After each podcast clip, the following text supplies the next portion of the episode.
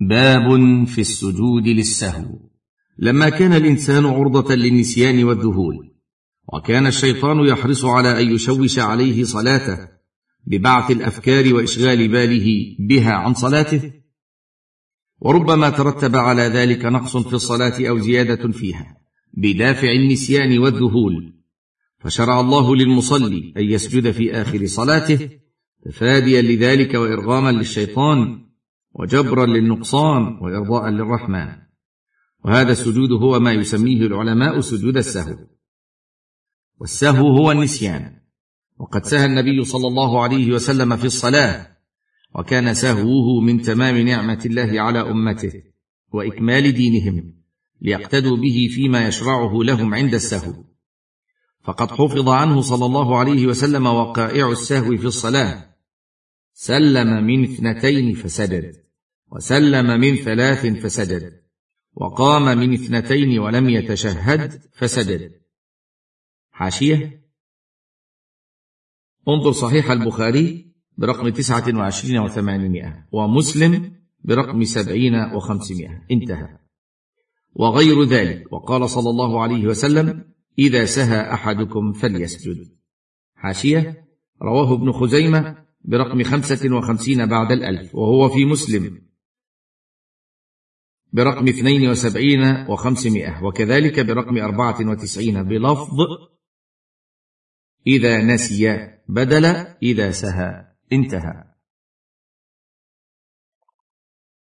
ويشرع سجود السهو لأحد ثلاثة أمور. الصفحة الخامسة والسبعون. أولا إذا زاد في الصلاة سهوا. ثانيا إذا نقص منها سهوا. ثالثا إذا حصل عنده شك في زيادة أو نقص. فيسجد لأحد هذه الثلاثة حسب ما ورد به الدليل لا لكل زيادة أو نقص أو شك. ويشرع سجود السهو إذا وجد سببه سواء كانت الصلاة فريضة أو نافلة لعموم الأدلة. فالحالة الأولى من الأحوال التي يشرع لها سجود السهو هي حالة الزيادة في الصلاة. وهي زيادة أفعال أو زيادة أقوال. فزيادة الأفعال إذا كانت زيادة من جنس الصلاة كالقيام في محل القعود والقعود في محل القيام أو زاد ركوعا أو سجودا. فإذا فعل ذلك سهوا فإنه يسجد للسهو. لقوله صلى الله عليه وسلم في حديث ابن مسعود إن زاد الرجل أو نقص في صلاته فليسجد سجدتين. رواه مسلم. حاشية برقم اثنين وسبعين وخمسمائة. وكذلك برقم ستة وتسعين. انتهى. ولأن الزيادة في الصلاة نقص من هيئتها في المعنى فشرع السجود لها لينجبر النقص. وكذا لو زاد ركعة سهوا ولم يعلم إلا بعد فراغه منها فإنه يسجد للسهو. أما إن علم في أثناء الركعة الزائدة فإنه يجلس في الحال ويتشهد إن لم يكن تشهد. ثم يسجد للسهو ويسلم. وإن كان إماما لزم من علم من المأمومين بالزيادة تنبيهه بأن يسبح الرجال وتصفق النساء. ويلزم الإمام حينئذ الرجوع إلى تنبيههم إذا لم يجزم بصواب نفسه. لأنه رجوع إلى الصواب وكذا يلزمهم تنبيهه على النقص.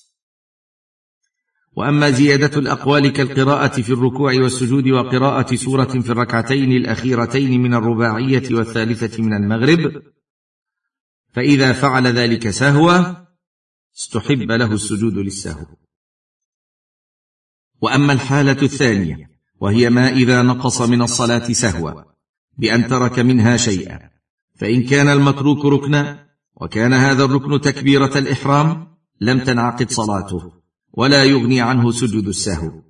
وإن كان ركنا غير تكبيرة الإحرام كركوع أو سجود وذكر هذا المتروك قبل شروعه في قراءة ركعة أخرى فإنه يعود وجوبا فيأتي به وبما بعده. وإن ذكره بعد شروعه في قراءة ركعة أخرى بطلت الركعة التي تركه منها وقامت الركعة التي تليها مقامها لأنه ترك ركنا لم يمكنه استدراكه. لتلبسه بالركعة التي بعدها. وإن لم يعلم بالركن المتروك إلا بعد السلام فإنه يعتبره كترك ركعة كاملة. فإن لم يطل الفصل وهو باق على طهارته أتى بركعة كاملة وسجد للسهو وسلم. وإن طال الفصل أو انتقض وضوءه استأنف الصلاة من جديد إلا أن يكون المتروك تشهدا أخيرا أو سلاما. فإنه لا يعتبر كترك ركعة كاملة بل يأتي به ويسجد ويسلم. وإن نسي التشهد الأول وقام إلى الركعة الثالثة لزمه الرجوع للإتيان بالتشهد ما لم يستتم قائما. فإن استتم قائما كره رجوعه فإن رجع لم تبطل صلاته وإن شرع في القراءة حرم عليه الرجوع لأنه تلبس بركن آخر فلا يقطعه. وإن ترك التسبيح في الركوع أو السجود لزمه الرجوع للإتيان به ما لم يعتدل قائما في الركعة الأخرى ويسجد للسهو في كل هذه الحالات. وأما الحالة الثالثة وهي حالة الشك في الصلاة فإن شك في عدد الركعات بأن شك أصل ثنتين أم ثلاثا مثلا. فإنه يبني على الأقل لأنه المتيقن ثم يسجد للسهو قبل السلام لأن الأصل عدم ما شك فيه. ولحديث عبد الرحمن بن عوف إذا شك أحدكم في صلاته فلم يدر واحدة صلى أم اثنتين فليجعلها واحدة وإذا لم يدر ثنتين صلى أو ثلاثة فليجعلها اثنتين. رواه أحمد ومسلم والترمذي. حاشية. رواه أحمد في الجزء الأول برقم تسعين ومائة واللفظ له ومن طريقه الضياء برقم تسعة وتسعين وثمانمائة ومن طريق أبي يعلى برقم تسعمائة والترمذي برقم ثمانية وتسعين وثلاثمائة وابن ماجه برقم تسعة ومائتين بعد الألف. وحسنه الذهبي في السير في الجزء الأول الصفحة الثانية والسبعين. وهو عند مسلم من حديث أبي سعيد برقم واحد وسبعين وخمسمائة. انتهت الحاشية. وإن شك المأموم أدخل مع الإمام في الأولى أو في الثانية جعله في الثانية. أو شك. هل أدرك الركعة أو لا؟ لم يعتد بتلك الركعة ويسجد للسهو.